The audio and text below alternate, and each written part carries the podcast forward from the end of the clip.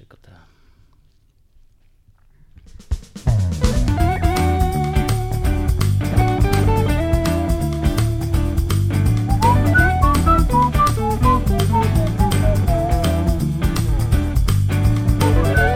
Syns du begynner å få til plystringa Tom? Ja, vet du hva, jeg så glad.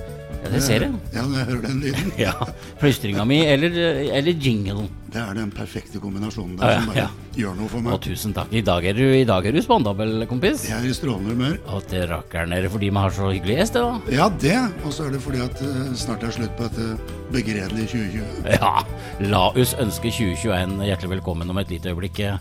Men, eh, men, men først, Tom. Um, hva har du gjort siden sist? Altså, det er veldig, det er, nå har jeg hørt på veldig mange podkaster siden sist, skjønner du. Og liksom prøvd å høre dem opp på podkast, og det alle spør om Ja, hva har du gjort siden sist, da? Ja, altså det jeg har gjort siden sist, siden jeg ikke får reise noe særlig for Ja, tiden, ja, for det er slutt på. så har jeg sittet i mitt eh, kjellerkontor. Mm. Og så har jeg eh, skrevet ferdig Travel News og utgitt det. Og nå er jeg straks ferdig med Reis Ja. før jul. Så Ja. jeg har eh, Hva skriver man om i reis når man ikke reiser? Da snakker man med folk. Ja. Og snakker med folk i, eh, i eh, reiselivsindustrien. Hva, eh, hva er temaet der hvis man ikke snakker om korona? Ja, da snakker man om eh, forberedelser til eh, post korona. Altså hvordan eh, esler man seg? Hva er man i ferd med å gjøre? Er man klar for at vi skal begynne å, å reise igjen? Hva gjør de ulike? Skal de ta vaksine? Eh, hvem tror de blir bestselgerne i sine respektive porteføljer? Ja. Og så. Ja. Så det er framtidshåp. Ja, det ser vi overalt. Har jo kanskje ikke noe valg. Nei, vi kan jo ikke noe annet enn å satse på det som kommer. Nei. Satse på det som var, er ikke noe vits i. Nei.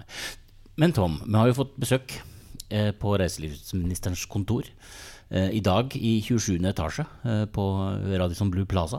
Vi flytter på oss på. Ja, det er hit og dit hele tida. Dagens gjest eh, Jeg tenker, eh, Hvis vi skulle beskrive eh, kvinnen, for det det er, eh, med ett ord Har du ett ord du har tenkt du kan beskrive denne eh, gjesten med? Ja, um, Ett ord, Tom B. Andersson. Altså det, og der er jeg streng. ja, jeg vil si for, for meg Ja. respekt. Respekt, ja. Fordi dette er en dame som jeg har stor respekt for. Ja.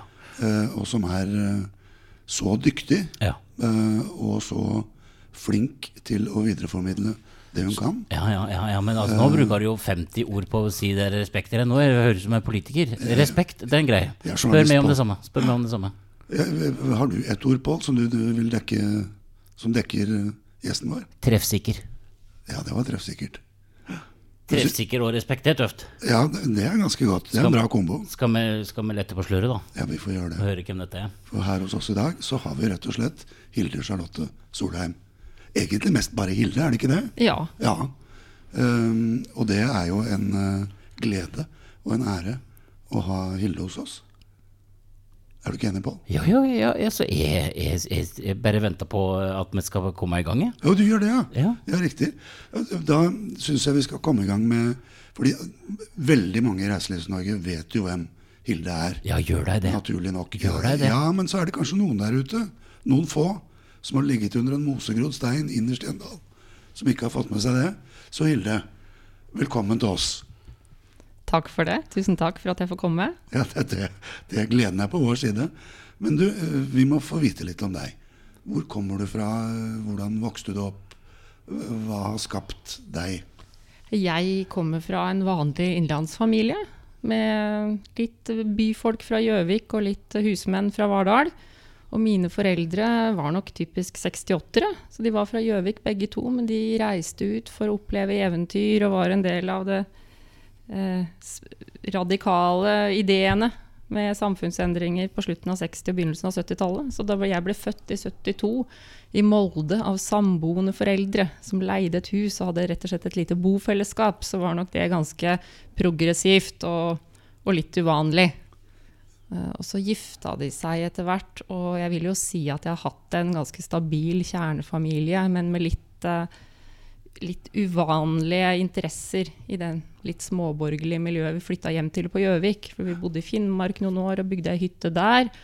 Og vi reiste til, til fjells alle helger på Ja. hytta i Valdres og Finnmark hele sommeren med bikkjer og fiske. Så jeg vokste opp på hytte uten strøm og vann med, med bikkjer og friluftsliv og veldig nær natur. Faren min bar meg opp for å se Mardøla, for den ble lagt i rør. Eh, og jeg var på nullpunktet i Stilla under de markeringene som var der. Ikke da det spissa seg til, men jeg vokste opp med en stor bevissthet og en stor kjærlighet rundt norsk natur og det å ta vare på de verdiene. Så du har på mange måter en slags knyttneve i blodet og en kjærlighet til naturen? Jeg er oppvokst i demonstrasjonstog, og det merka jeg da jeg ble aktiv i AUF. Og var jo liksom en sånn EU-tilhenger, en veldig sånn moderat AUF-er, egentlig. Ja. Sånn midt i den der, det der sentrum på midten. Politisk. Eh, men jeg liker jo ikke godt å gå i demonstrasjonstog. Jeg er jo egentlig litt opptatt av at ting skal være litt ordentlig. ja. Eh, men den, eh, den naturinteressen gleden over aktivitet i natur, den sitter veldig hardt. Og, og det med bikkje sitter også veldig hardt. Ja, For du er jo veldig Jeg følger jo med deg på Facebook, det må jeg innrømme. Er det stalker det heter, Pål? Nei, Nei, det er noe annet. det Det, det er venn. Det, er venn, det, heter, det heter venn uh, veldig lenge. Ja. Ja. Og jeg ser jo at du og, og din mann er jo stadig vekk ute og, og skyter et dyr uh, med bikkjer. Ja. Så det er, er det vanlig helgekos for dere? Ja. Det er jo absolutt ikke hver helg vi skyter et dyr, men det er vel stort sett hver helg at vi drar til fjells med bikkjene våre. Det er en livsstil. Eh, Jeg er gift med en telemarking. Han er vokst opp opp ved Møsvann i Telemark.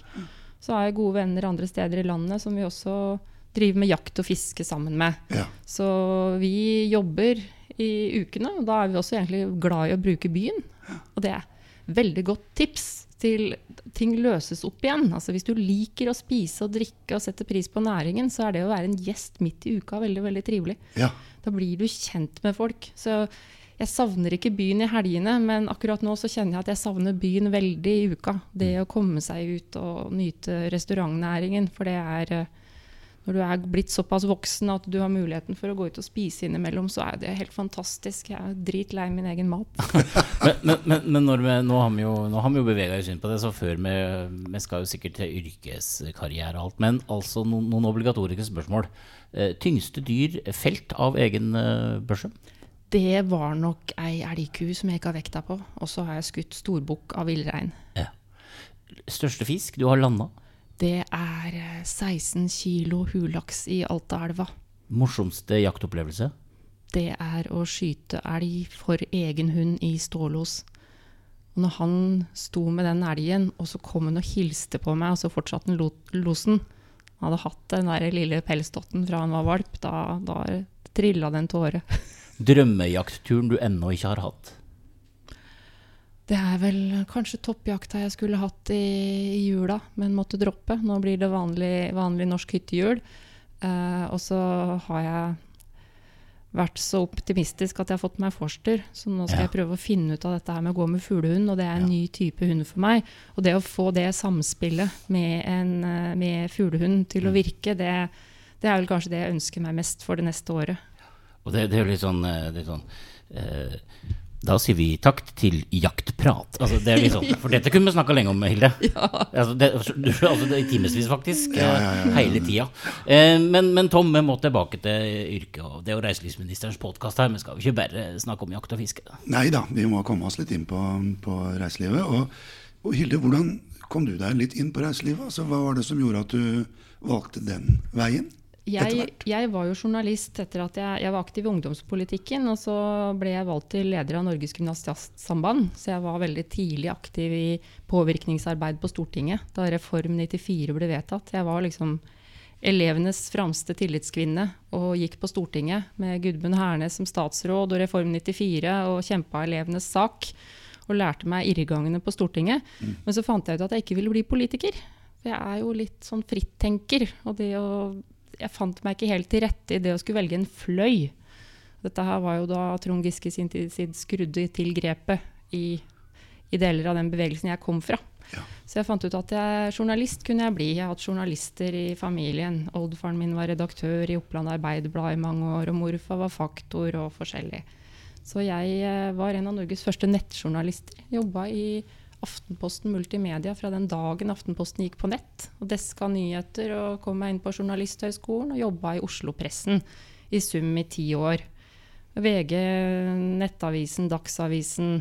Eh, og så gikk jeg da ti år som journalist.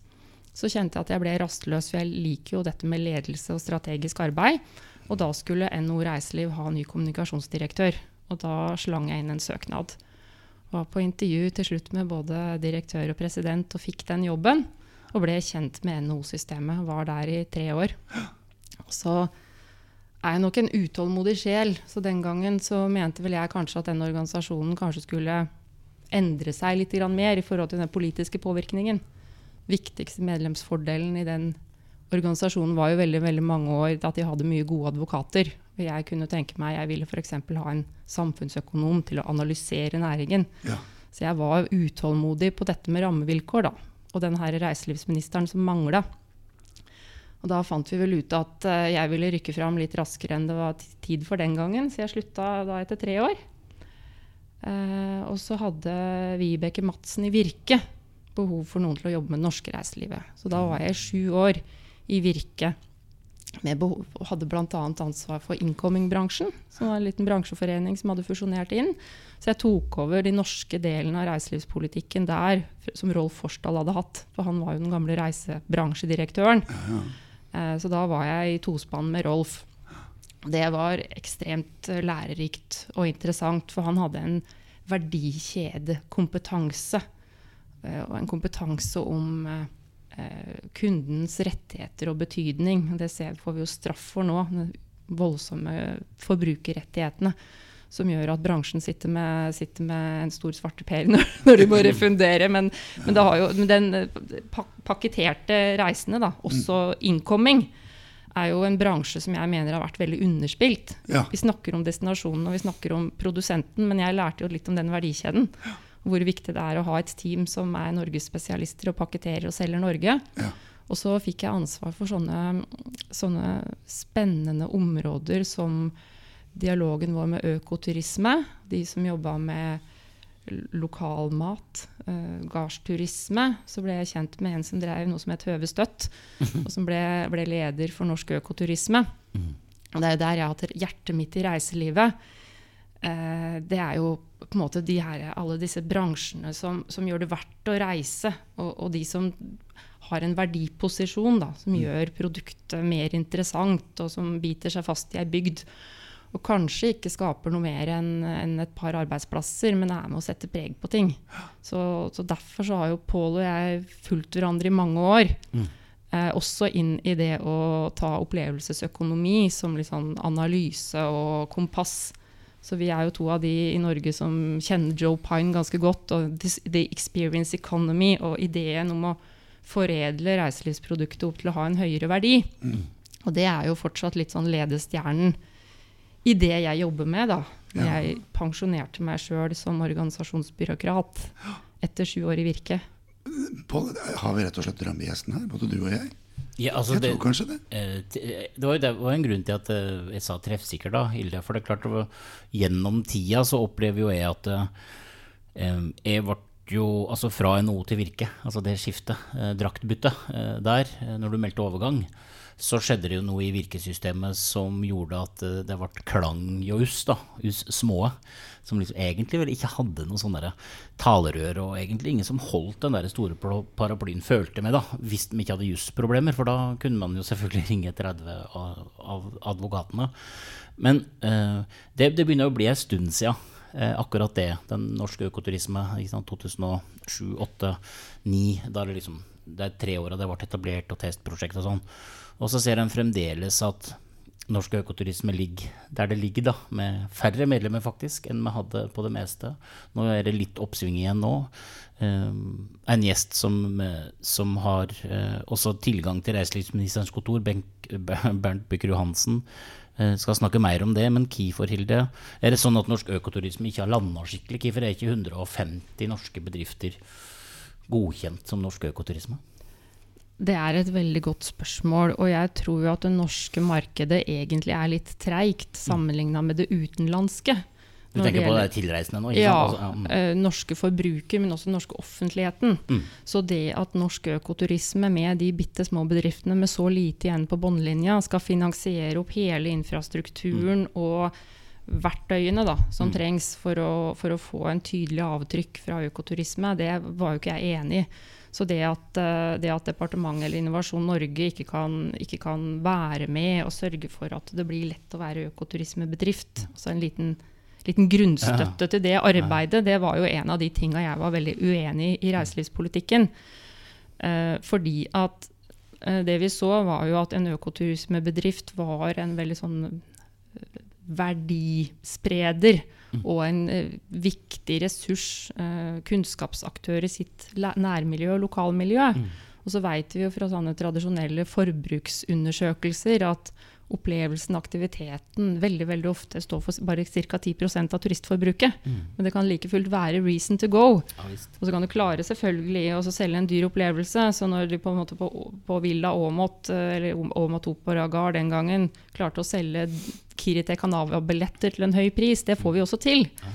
Men de der aktivitets- og opplevelsesprodusentene er jo sjelden de som får mest av kaka. Mm. Um, det er ikke alltid en fordel å være veldig tidlig ute. Nei. Men jeg tror likevel at de bedriftene som jobber på den måten, mm. er ekstremt viktige i reiselivet. Og det var jo noe som gjorde at jeg sleit meg litt ut. For jeg syns at uh, hvem som ble tillagt vekt, noen ganger var litt mm. feil. Ja. Uh, for man ble, jeg syns man ble litt uh, sett ned på hvis man var litt liten, mm. og kanskje aldri skulle bli en sånn stor pengemaskin. Men jeg føler jo at ting går i riktig retning. Og selv disse makrotallene, så er jo aktivitets- og opplevelsesprodusenter og bedrifter er jo den absolutt største veksten i reiselivet. Så det har kommet til utrolig mye spennende bedrifter og spennende kompetanse mm. i reiselivet i de åra siden jeg begynte i, i, 2005. For da var det sånn at man, man hånlo litt av både lokalmat og, og småbedrifter. Og det tror jeg ingen gjør lenger. Så det, det, det skjer ting, men det skjer noen ganger litt sakte. For han ble jo pekt på. Altså, Tom, det var sånn, Du vet jo at jeg er en landsens eh, hest eh, osv. Eh, bor jo oppi der. Og, og jeg huska jo når Jan Engstad og jeg da som, som fikk dette sertifikatet sammen, da, det klarte liksom ikke å skille oss. Eh, vi måtte få det på likt. Eh, og Jan og jeg, begge, han i Kabelvåg og jeg på Geilo, vi ble jo litt sånn ledd av. Altså, det var ingen som skjønte hvorfor, for at det du sier i forhold til at vi var en del av verdikjeden. Vi hadde til og med pålegg om det med i sertifiseringsordningen. Eh, A, vi måtte eh, handle lokalt. Altså det var påbudt, pålagt USS for å få, for å få sertifiseringa. Ikke kunne vi markedsføre eh, overseas. Det var det forbud mot. ikke sant? Altså Vi kunne ikke reise til Asia og gjøre morsomme prosjekter, eller til Amerika. Og det var liksom var, var, den for streng, eller tenker du at eh, pandemi og annet nå har gjort at det faktisk er muligheter for å revitalisere norsk økoturisme og det, det reglementet som, som, ligger der? Det er et veldig godt spørsmål. For det å, å, gjennomgå en komplisert sertifisering, enten det er en miljøstyringsordninger eller annen type, type verktøy, mm. det krever ressurser og kompetanse. Mm. Og som gründer så må du bruke fryktelig mye tid på de tinga du egentlig ikke skal drive med. Ja. Så det er klart at det der var en komplisert sak. Jeg mm. så akkurat det samme i den her eh, Bærekraftig reiseliv-merket. Mm. Eh, hvor jeg satt i styret på Destinasjon Røros, som hadde vært pilot. Mm. Og så så jeg hva destinasjonsselskapet hadde påtatt seg av forpliktelser. Mm. Og så hadde kommunestyret vært med på ett vedtak og litt mm. glemt det. Og så syntes de det var hyggelig med den plakaten. Mm. Men det, jeg mener jo at et destinasjonsselskap kan jo f.eks. ikke ha uh, kunnskap og kompetanse på naturtyper og pippiper og gokkaker. Altså hvis, hvis, hvis, du gjør ting for komplisert, så blir det ikke mulig å makte. Så det er en, uh, det er en interessant sak, det der. Uh, vi ser jo det samme innenfor økologisk mat. Mm, ja. Jeg kjøper jo fra, fra småskalaprodusenter, men som ikke nødvendigvis gjennomgår en sertifiseringsprosess. Og jeg syns vi burde snakke mer om målet med sånne ordninger, hvor, hvor høyt og lavt lista skal ligge. I, i, i hotell så har vi jo alt, altså har vi jo ulike strategier. ikke sant? Vi har Svanen, vi har ISO 14001, og så har vi Miljøfyrtårn. Og så sier vi at Miljøfyrtårn skal måte, være ordningen for de mindre bedriftene. Mm. Som skal være mulig å komme gjennom mm. for alle. Men en, et hotell, en overnattingsbedrift, har som regel en større administrativ kapasitet ja. enn en liten opplevelsesprodusent. Ja. Så jeg har ikke svaret, Pål. Men uh, jeg syns vi skal holde oppmerksomhet litt på det. For Det er jo mange morsomme ting. Det visste du det, Tom? Sånn, du, du, du, du, går jo på, du er kaffemann, er ikke det? Du liker kaffe, og så liker du lokalmat. Jeg har spandert på lokal ost og kjøtt, og du jo heller, altså, du er jo glad i det. Altså, du har ikke lov til å bruke ordet økologisk altså, om produktet ditt hvis du ikke har betalt kontingent. Det til et selskap som har monopol på å bruke ordet økologisk i norsk matproduksjon. Så hvis jeg får spandert eh, vilt eh, elgkarbonader, da, som du har lagd hjemme med kun eh, det som vi veit er økologiske råvarer, og du åpna restaurant da, om ti år inne i skogen eh, en eller annen plass, så har ikke du lov til å bruke ordet økolog. Det er ganske stas. Ja, og jeg bruker jo, jeg bruker jo stort sett eh, mest vilt og Ja, ja. villfisk og vilt kjøtt i min husholdning. Ja. Og jeg husker det. eh, At eh, Øyafestivalen i sin tid, som skulle ha en økologisk profil, så kunne de ikke bruke villfisk. Og da mener jo jeg at en merkeordning blir kontraproduktiv. Eh, og så kan man på en måte fortape seg litt grann, eh, i den diskusjonen, og det er sikkert ikke mm, så interessant for alle som hører på denne podkasten. Men jeg mener jo at disse fyrtårnbedriftene som, har, som er litt i forkant når det gjelder å tenke bærekraft og lokalsamfunn, eh, at de er og har vært viktige. Og nå tror jeg ikke de blir hånledd av lenger. Jeg tror Nei. eh, verdikjeden i reiselivet ser betydningen. De som pakketterer og selger Norge ute, ser det. Og jeg oppfatter at uh, hotell- og overnattingsnæringen også er blitt oppmerksom på det samspillet. Vi har hatt gode eksempler alltid, men nå tror jeg det er i enda større grad. Det er bra. Eh, Tom, vet du hva? Nei. Vi skal skifte emne. Ja. Denne gangen, Tom, er det rett og slett du som skal få lov til å fyre løs, for du har altså så mange spørsmål i dag. Eh, og jeg har sett deg. Eh, det er mye interessant å spørre Hilde om. Eh, Ja, altså det, det jeg har litt lyst til å pense litt over mot For jeg, jeg hører jo Det vi har pratet om nå, er jo et slags sprik mellom intensjoner og gjennomføringsevne.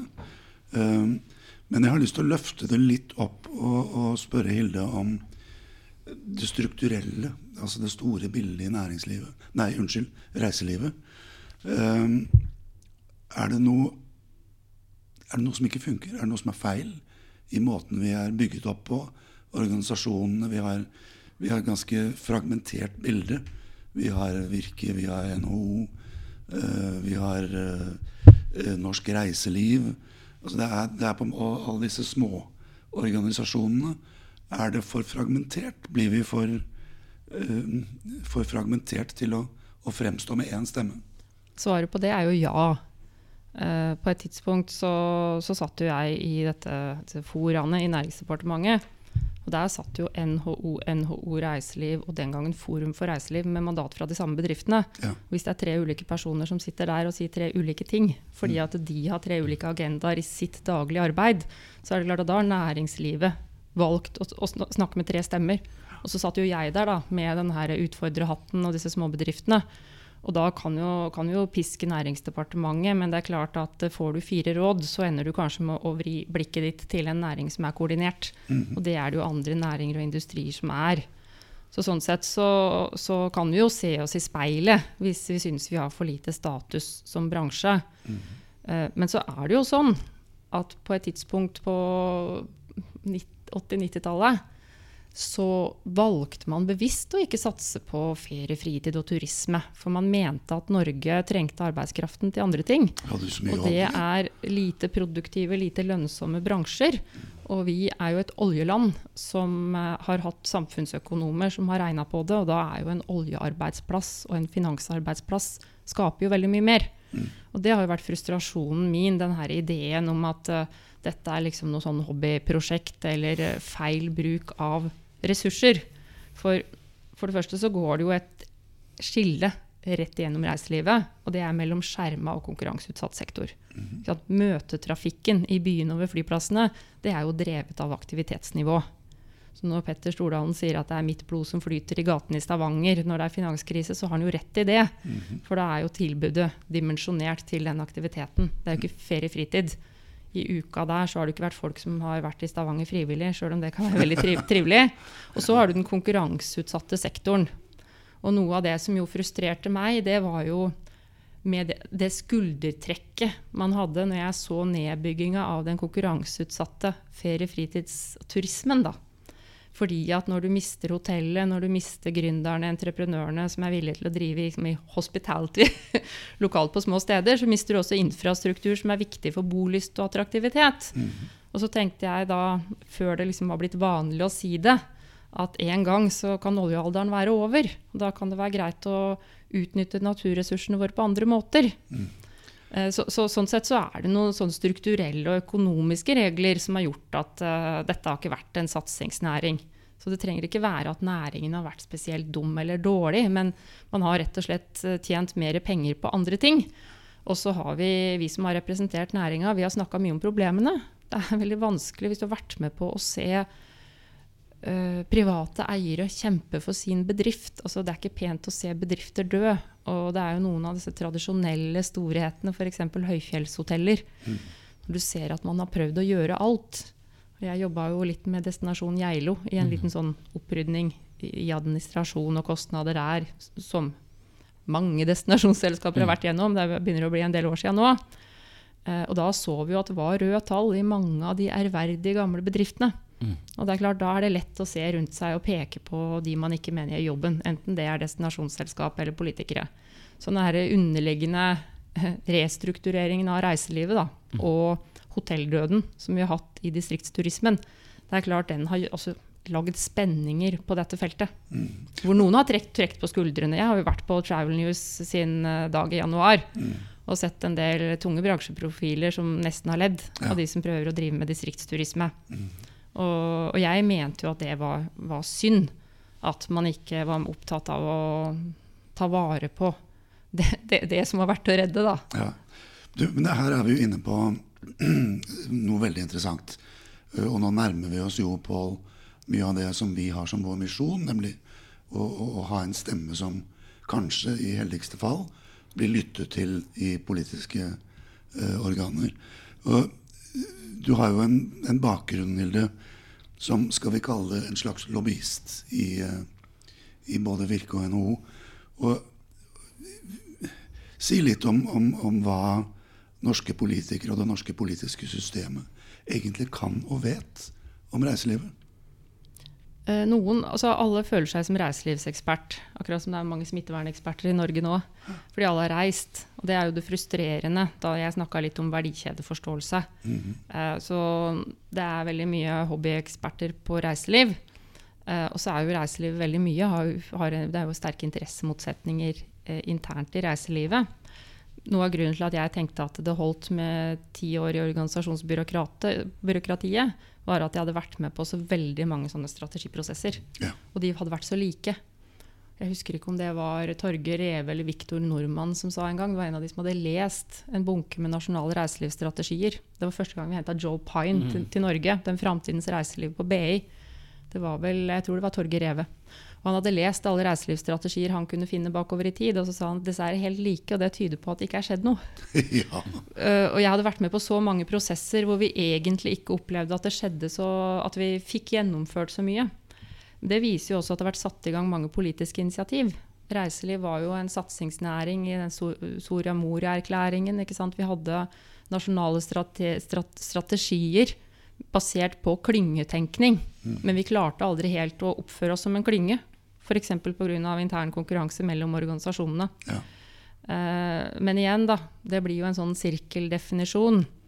Eh, alle syns det er koselig at folk har lyst til å komme til Norge. Men det å, den analysen av hva vi taper på at vi nordmenn har tatt med oss mellom to og tre ganger så mye penger ut som turister enn utlendinger har tatt med inn, det er jo en, eh, det er jo en handelsbalanse hvor vi taper veldig mye penger. Jepp. Og alle som påstår at det endrer seg over natta, eh, at nå skal alle til i Fjell-Norge i år, de har jo jeg pleid å si at ljuger. Jeg har jo etablert jo en reiseundersøkelse, en befolkningsundersøkelse eh, i Virke, og jeg analyserte dette i NHO. Prøvde å spionere på industrien og se på deres konjunkturrapport for å få bedre analysegrunnlag til å forstå bransjeutviklingen. Og de her lange trendene, det er jo at vi, vi vil reise, det vet jo du. Vi vil reise, og vi reiser ut. Og så bruker vi mer penger ute, og i Norge ferierer hos, vi hos familie og venner. Vi bestiller ikke, vi beriker ikke reiselivsproduktet fordi at vi organiserer oss sjøl. Og så plutselig kommer korona, og så har vi en begredelig vår, og så får vi egentlig en ganske god sommer. Fordi Ola nordmann begynner å oppføre seg i Norge litt som han og hun gjør når man er turister i utlandet. Ja. Jeg var jo i Lofoten i, eh, nå, sist sommer. Da hadde vi skipsdåp for MS Bard. En hybridelektrisk båt som skal gå på Svalbard for Hurtigruten når vi er ferdig med korona. Eh, og det var jo nordmenn overalt, og de koste seg, og de brukte penger. og altså, Hotellfolka var jo helt svette. Du så de ikke gjøre noe annet enn å løpe. Eh, men da de reiste etter fellesferien, så ble det stille. Da mista vi, mista vi skuldersesongen vår. Men mitt, mitt, store håp nå, da altså, Du skal aldri si at det er en velsignelse i en krise. Det ville være utrolig ignorant og ondskapsfullt når vi fortsatt står midt oppi den. Men det er lov å se etter lys i mørket? Det er lov å se etter lys i mørket, og det er lov å prøve å nå vedlikeholde den omstillingsmuskelen da, som vi har måttet kjenne på. Så med håp om at vi klarer å redde, redde mye av det som er verdt å reddes, så vil jeg jo håpe at den nye oppdagelsen om at Norge er et ålreit ferieland, blir værende. Men, men, er det ikke sånn også da at eh, fordi um, jeg bor jo der i turistland. Uh, vi hadde jo um, uh, også litt tung marsj, liksom. Uh, og så har vi jo hatt besøk i denne podkasten også av turistsjefen i Oslo, som også langt på vei har fått sin egen Oslo kommune til å skjønne at man faktisk driver og tar imot besøkende. Eh, litt sånn overraskende for noen, skjønte jeg.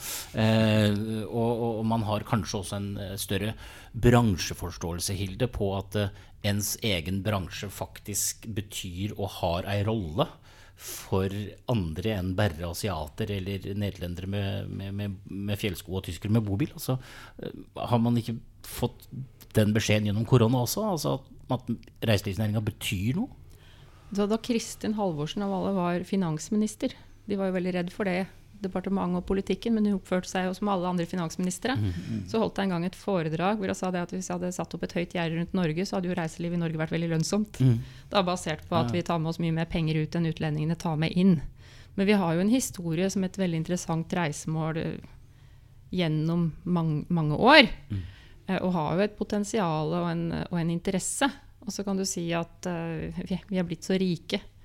Uh, og det norske produktet var på en måte litt underutvikla også. Mm, de, har vært, de, har, de, har vært, mer desperate etter å få tak i penga våre og være mer innovative ute. Mm. Har jeg noen ganger sagt. Ja, fordi det, det, må, ikke sant? Altså, det har ja, ikke noe olje og Nav å gå til. Men det vil jeg jo egentlig ikke si lenger. For jeg syns jo at det har skjedd veldig mye spennende og interessant. Så selv om du fortsatt kan få en elendig, uinspirert uh, veikromiddag langs veien, så er det på en måte så mye spennende som, som faktisk skjer. Mm.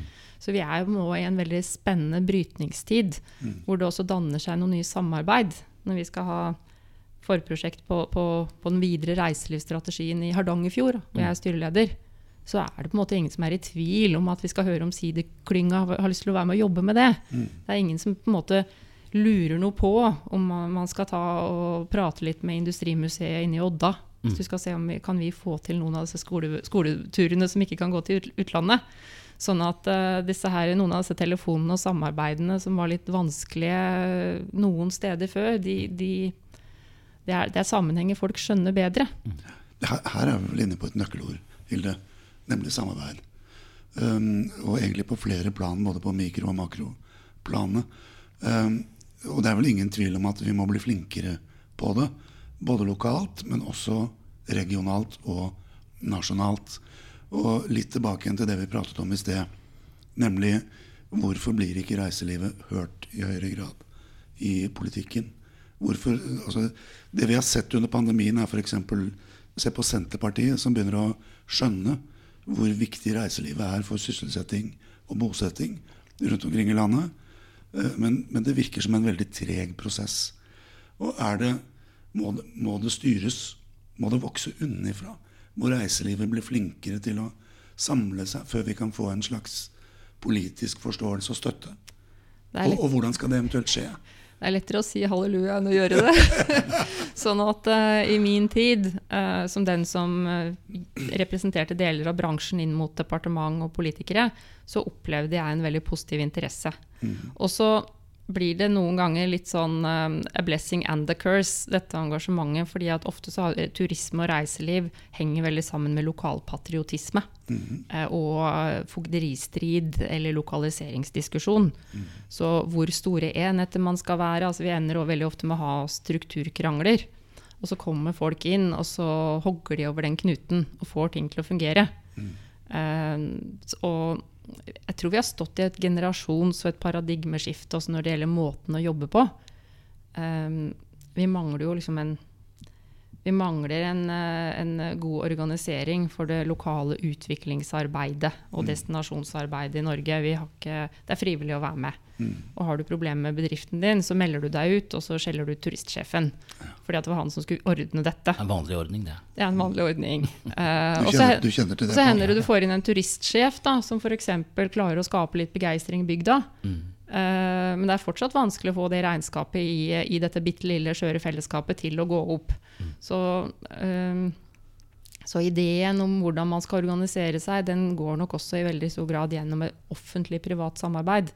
At kommunene og alle utviklingsaktørene lokalt, og de som prøver å drive fellesmarkedsføringa, for det første må spesifisere hvil- hvilke fellesoppgaver har vi finansiering til. Hvis du forteller meg hvor mye penger jeg får, så kan jeg fortelle hvilken aktivitet jeg kan drive med.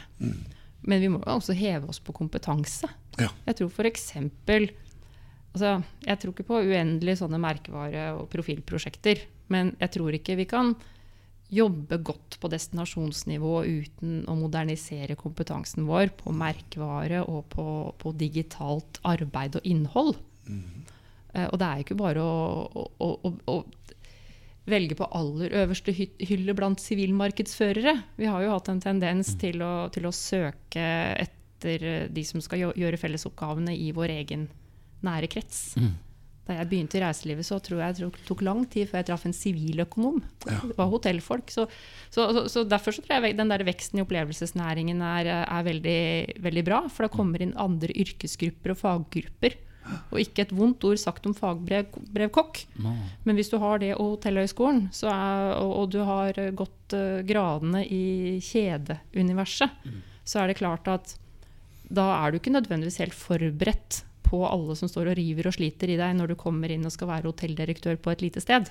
For det er jo, man er jo vant til at det lokale hotellet tar regninga på fellesmarkedsføringa og kan være med på veldig mye annet. Eh, men hotelldrift i Norge med den romprisen vi har, det har blitt en ganske lean affære. Det min- min- meg om at vi må jo hilse til altså Vi har en fast lytterskare på reiselivsministerens podkast, og det er alle studentene på Norsk reiselivsfagskole på Geilo. Uh, For de bruker det som undervisning. Uh, De, de setter på denne podden, og så, så hører de på oss. Eh, eh, Og de har jo, eh, sånn i forhold til kompetanse, da, så har det jo vært eh, Jeg deler jo veldig den, den eh, observasjonen rundt at når man har gått i ett spor sant? Jeg har jo kokkefagbrev. Og så hvis, hvis den skulle bli noe annet, så måtte man jo inn i en litt sånn tyngre akademisk, økonomisk greie. Kun. Men fagskoleapparatet har jo fått opplevelsesøkonomi, bærekraftig praksis, eh, markedsføring anno 2021 og sånne ting på agendaen. Så der skjer det også spennende ting. Men det jeg savna, Hilde, er jo disse kalkulatorene. For at når du nå eh, refererer det, altså det har jo vært sånn, altså Økonomi kan vi jo finne ut av. Altså Det er én pluss én, og det blir to osv. Men kalkulatoren på hvilke konsekvenser av lokal verdiskaping gjennom den sosiale delen av bærekraftbegrepet, gjennom ta vare på kulturlandskap Det fins jo veldig få kalkulatorer som kan regne ut verdien av det lille hotellet eh, som ligger oppe i bakken, som, som har disse 15 kyrne som gjør en helt annen jobb, som ikke går på noe reiselivsbudsjett eller regnskap noe sted. Ja, jeg hadde jo ment at uh, da Kommunal- og regionaldepartementet burde jobba med dette her, og sett på betydningen av det. I sin tid så tok jeg initiativ til et sånn kommunenettverk som heter Reiseliv i industriens vugge. Det var etter at jeg hadde fått veldig likelydende fortellinger om eh, Rjukan og Odda. Som hadde en veldig sterk industrihistorie og holdt på med store prosjekter med å ta vare på industriarven sin. Eh, og begge hadde starta for mange år siden som turistdestinasjoner, men så hadde det vært industri. Og da har du en dig hjørnesteinsbedrift, og der går alle inn porten. Og nå ser industrien veldig ulik ut. Og da var det folk sa at eh, disse stedene trenger også å bygge opp igjen reiselivskompetansen sin. Det jobba vi med i det kommunenettverket sammen med Narvik og Kirkenes. Det var veldig, Den gangen så gjorde vi det fordi at virkemiddelapparatet var helt regionalisert. Det jobba per fylke. Så det var liksom hvilken tiltakssone du var i. Så måtte du jobbe regionalt. Så sa jeg men dette er jo et tematisk behov. Det handler om teknisk-industrielle kulturminner som også blir besøksmål. Men hvor langt opp og fram er det til at noen har lyst til å komme og besøke gamle industrianlegg? Og så har det jo bare eksplodert. Hvis du ser nå på turismen rundt eh, krigshistorien på Rjukan, som jo selvfølgelig er helt spesiell, så, så er det jo kjempetrøkk. Problemet deres nå er parkeringsproblemer. Og Og Trolltunga var jo en eh, skjult perle da vi starta med dette her. Eh, nå er det forsida på nesten alt vi gjør fra Fjord-Norge ute. Så, så, jeg tror jo eh, der går det også liksom framover. Eh, og alle vil gjerne reiseliv. Eh, og så kommer jeg da inn på en av de største minefeltene. Men mange tror reiseliv er det samme som å smikke opp ei cruisekai. Og det er jo ikke sånn at det nødvendigvis er så vellykket hvis naboen har ei. Sånn at hvem som skal satse på volum, og hvem som har muskler til å satse på volum, og håndtere det på en fornuftig måte, og hva slags type reiselivssatsing som vil være riktig for det enkelte lokalsamfunn. Der føler jeg at vi ofte er på et relativt overfladisk nivå, hvor man ønsker seg en sånn noe à la en fabrikk. Eh, bare, eh, og jeg mener jo at eh, god reiselivsutvikling det er litt mer komplisert enn som så. Og, men sånn- det er jo den der hermenæringen. Altså det, du har jo så Tom, vært ute og, og reist og opplevd eh, at, nei, at Jeg kaller det jo for litt sånn hermenæring. fordi altså når du, altså Det er jo bare å se hvor mange zipliner man har fått, eh, hvor mange gondoler vi må ha, tydeligvis, eh, hvor mange som skal jobbe med cruise, hvor mange som skal gjøre sånn. altså Man driver og hermer. Og kjernen litt i i opplevelsesnæringen bør være, da, og i opplevelsesøkonomi, er jo den der tilpassinga. Eh, Ja. For, det skilles jo ifra den industrielle næringa. Og jeg får, jo, jeg får jo frysninger på ryggen med negativt fortegn når jeg hører reiselivsindustri.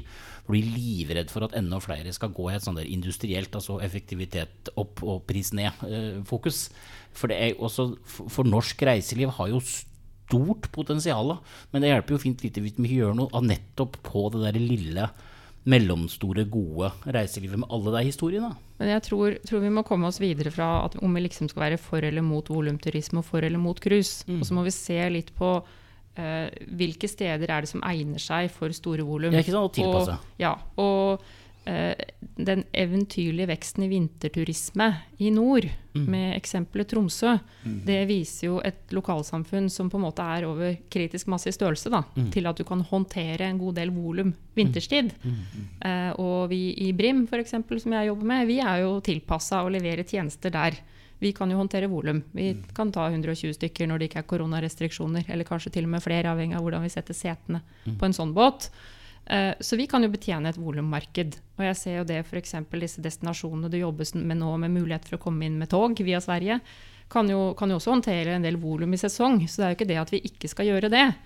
Eh, Men eh, hva som kan være riktig nisje, da. Et eksempel en trang fjord med mange trafikale flaskehalser. Så er det jo helt åpenbart at det er en et grense for hvor mange busser du kan kjøre inn i høysesong. Hardanger har jo vært fullt. Så om vi da skal øke kapasiteten enda mer, som jo selvfølgelig er ryggmargsrefleksen, men da er du tilbake til der man starta i 1895-1900, da. At alt sto stengt, bortsett fra to-tre måneder med høysesong. Så hvis vi ikke klarer å bredde og utvide sesongen, og vi ikke klarer å selge de sengene vi har til en litt høyere pris, så er det veldig vanskelig å påvirke lønnsomheten hvis, vi, hvis, vi skal, hvis alt skal stå og falle på én sesong med volum. Men når du er styreleder i et uh, reisemålsselskap ikke sant, inn, inn i Hardangerfjorden, da. Eh, Ja. og så finnes det politikere i Hardanger, og så finnes det et eh, fylke. Og så, altså, du har jo masse strukturer rundt det. Og det er jo også det som er litt av kjernen i spørsmålet her, tenker jeg. at hvem sitt, an hvem sitt ansvar er dette, da? Altså Skal kommunepolitikerne i Hardangerfjorden, det er tre-fire kommuner, ikke sant, skal, skal fylkespo- Hvem er det som skal si ja og nei på dette her? Nei, det er jo veldig, veldig opp til å få gode, faste samarbeidsstrukturer. Måten de har gjort det i Hardanger, som jo jeg syns er veldig smart, det er jo at Hardangerrådet, som på en måte er regionrådet, sitter fast. Med politikere? Ja, men, men at de representer, er representert med fast representasjon i destinasjonsselskapsstyret. Eh, og så har man eh, næringssjefene har også organisert seg noe de kaller Team Hardanger. Så i det forprosjektet som, eh, som eh, de er i gang med å sette, sette opp der nå, så er jo tanken at eh, destinasjon, altså Visit-strukturen, må ha et tett og forpliktende samarbeid med kommunene. For kommunene er bestiller av næringsutvikling. Og Visit-selskapene driver jo ikke med individuell bedriftsutvikling, og det er masse oppgaver de ikke nødvendigvis kan løse. Og så kommer vi i noen sånne her, eh, sirkler, da, hvor vi biter oss i halen med det der med hvem skal lage ny bookingløsning. Altså, det er noen sånne pappenheimere som spretter opp. Og, og det Jeg tror mye svaret er å sette seg ned og gå ordentlig igjennom rolle-, ansvars- og oppgavefordeling. For jeg ser på næringshager og eh, arenaprosjekter, NCE, være seg hva det er, da. Eh, alt det er virkemidler. Mm. Og det vi trenger, er jo et virkemiddelsystem. Destinasjonsselskapene er også i mine øyne virkemidler. Og landsdelsselskapene det er et virkemiddel til å gjøre felles markedsføringsoppgaver. Det som er problemet, det er når vi setter flere virkemidler til å gjøre det samme. Eh, for da konkurrerer de som jobber der. Eh, eller de tråkker i beina på hverandre. Og så kan det være uløste oppgaver som ligger der ved siden av. Så hvis vi går gjennom oppgavene og så ser på hva er riktig organisering Og én ting kan vi si om Næringsdepartementet sitt strukturprosjekt. vi fikk egentlig, egentlig ganske god analyse av hvem som bør gjøre hva. Og så var det en del ting vi ikke fikk til, da, fordi at tvangssammenslåing i Norge er ikke så enkelt. Da må du helst være kommun kommunalminister og ha åtte år på deg. Minst! Jeg tenker bare sånn, bare sånn, bare sånn for å eh, Det er jo sikkert noen lyttere som lurer på den bærekraftsprosessen som du nevnte. om. Jeg har bare lyst til å si at en av de viktige tingene som har skjedd fra pilot, eh, når merke, merkeordningen kom, er jo nettopp eh, forpliktelsen eh, kommunestyrene Forankring. har rundt forankring. Ja. Altså Det må være en reiselivsstrategi enten vedtatt eller igangsatt, og det må være forankra i kommune. Ja. Og, det, og det var jo nesten altså det, var jo, det var jo ikke påbudt, kan du si, eh, i første runde. Og det er jo bare et godt eksempel på at det faktisk må forankres og forpliktes. Og ikke, er ikke det også litt av utfordringen at reiseliv er så lett, så det kan vi jo bare drive med uten å spørre noen også? Ja, eller ideen om at du kan gjøre noe eh, i et prosjekt, eh, eller som et skippertak. Mm. Altså, det vi snakker om her nå, da. Hvordan håndterer du avfall, hvordan satser du på utvikling med alle virkemidlene du har, det er veldig nært beslekta med planarbeid. Mm. Planarbeid er det andre enn destinasjonsselskaper som driver med. Så graden av samarbeid og forpliktelse, og det å få på plass en driftsorganisasjon Og i mange kommuner så har du eh, kan, Du kan ha nasjonalparkstatus, og du kan ha verdensarvstatus enkelte steder. Og da blir ulike ordninger eh, og samarbeid eh, kan også komme i konkurranse med hverandre. Så det er rett og slett et håndverk å innpasse disse verktøyene vi har, for at det skal fungere etter hensikten. Da. Hvis man tar for lett på det i starten, så får du et problem. Jeg tenker dette er mer du spør om struktur og samarbeid, Tom. Til flere spørsmål får jeg i huet. Ja. Eh, Dette kunne vi jo ha fylt to podkaster med, kjenner jeg. Ja, altså Vi kunne fylt en podkastserie, vi kunne skrevet bøker. Dette er jo et enormt eh, felt å snakke om. Men vi får etter hvert begynne å runde litt av, Pål. Um, det er mange spørsmål jeg kunne tenke meg å, å, å stille til Hilde. F.eks. alt dette med spennende som skjer med Brim. Um, Men må få Agnes hit.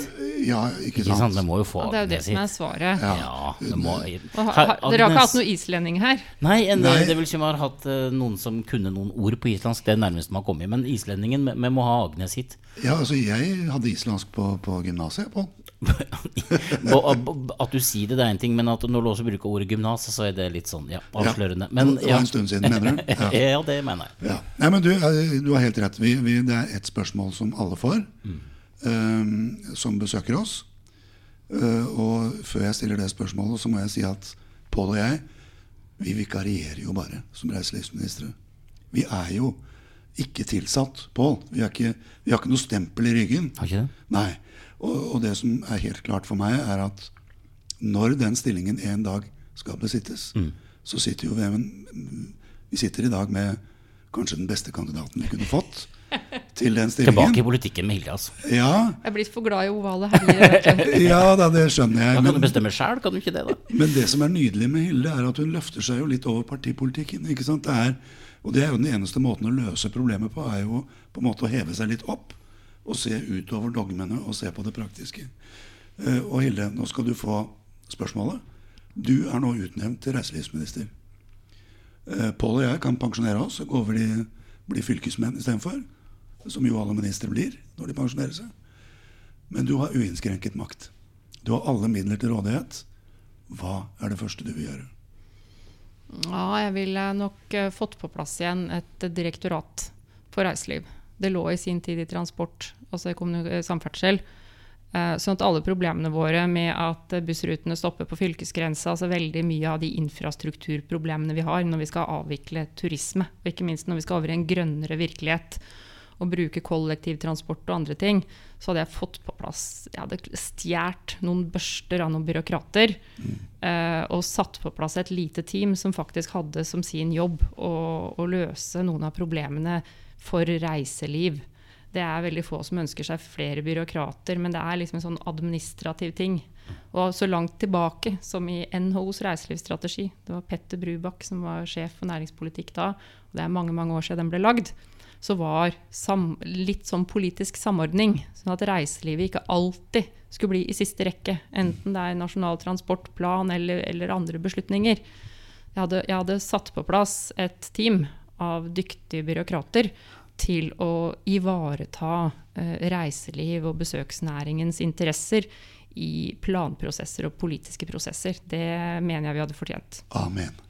Det er ikke fint. Ja. Men, men Hilde Charlotte Solheim, tusen takk for besøket. Har, har det gått fint? Har det vært greit Ja. å være på reiselivsministerens kontor, føler du? liksom? Jeg tenker at det blir mye byråkrati, da, men jeg håper jeg har fått igjennom at jeg, jeg har veldig tro på denne næringa. Jeg liker så godt det som skjer nå med mye entreprenørskap og eh, interesse, dette med mat og drikke og kultur, kulturarv. Jeg syns disse hjertesakene våre, Pål, er i frammarsj. Ja. Det, det, det, kom, det kom veldig til meg i dag når vi endelig fikk lov til å snakke sammen om det. Så skal jeg, første jeg skal gjøre i ettermiddag, det er å ringe Agnes og få på plass. Eh, Hun har jo sagt at hun har lyst til å komme, så det skal jeg gjøre. Ja, Agnes Men, må jo eh, vi må gjøre det. Men altså, kjære Tom. Ja. Vi er jo ferdig eh, for i dag, rett og slett. Vi er det. Åssen har du hatt det? Jeg har hatt det aldeles strålende. Jeg har jo kroet meg som en gris med tre haler i dag. Det er, dette er virkelig et høydepunkt for meg å ha besøk av Hilde. Og det, det, det liksom å, å toppe, toppe podkastserien innover mot jul, liksom. Det blir bedre og bedre. Og jaggu synes syns vi har gjort det en fin avslutning på årets sesong, for det begynner å nærme seg jul. Det begynner å nærme seg jul, og vet du hva det også begynner å nærme seg på? Enda mer. Et nytt år. Ja, Det trenger vi. det gjør vi. Men uh, takk for i dag, kompis. Takk i like måte.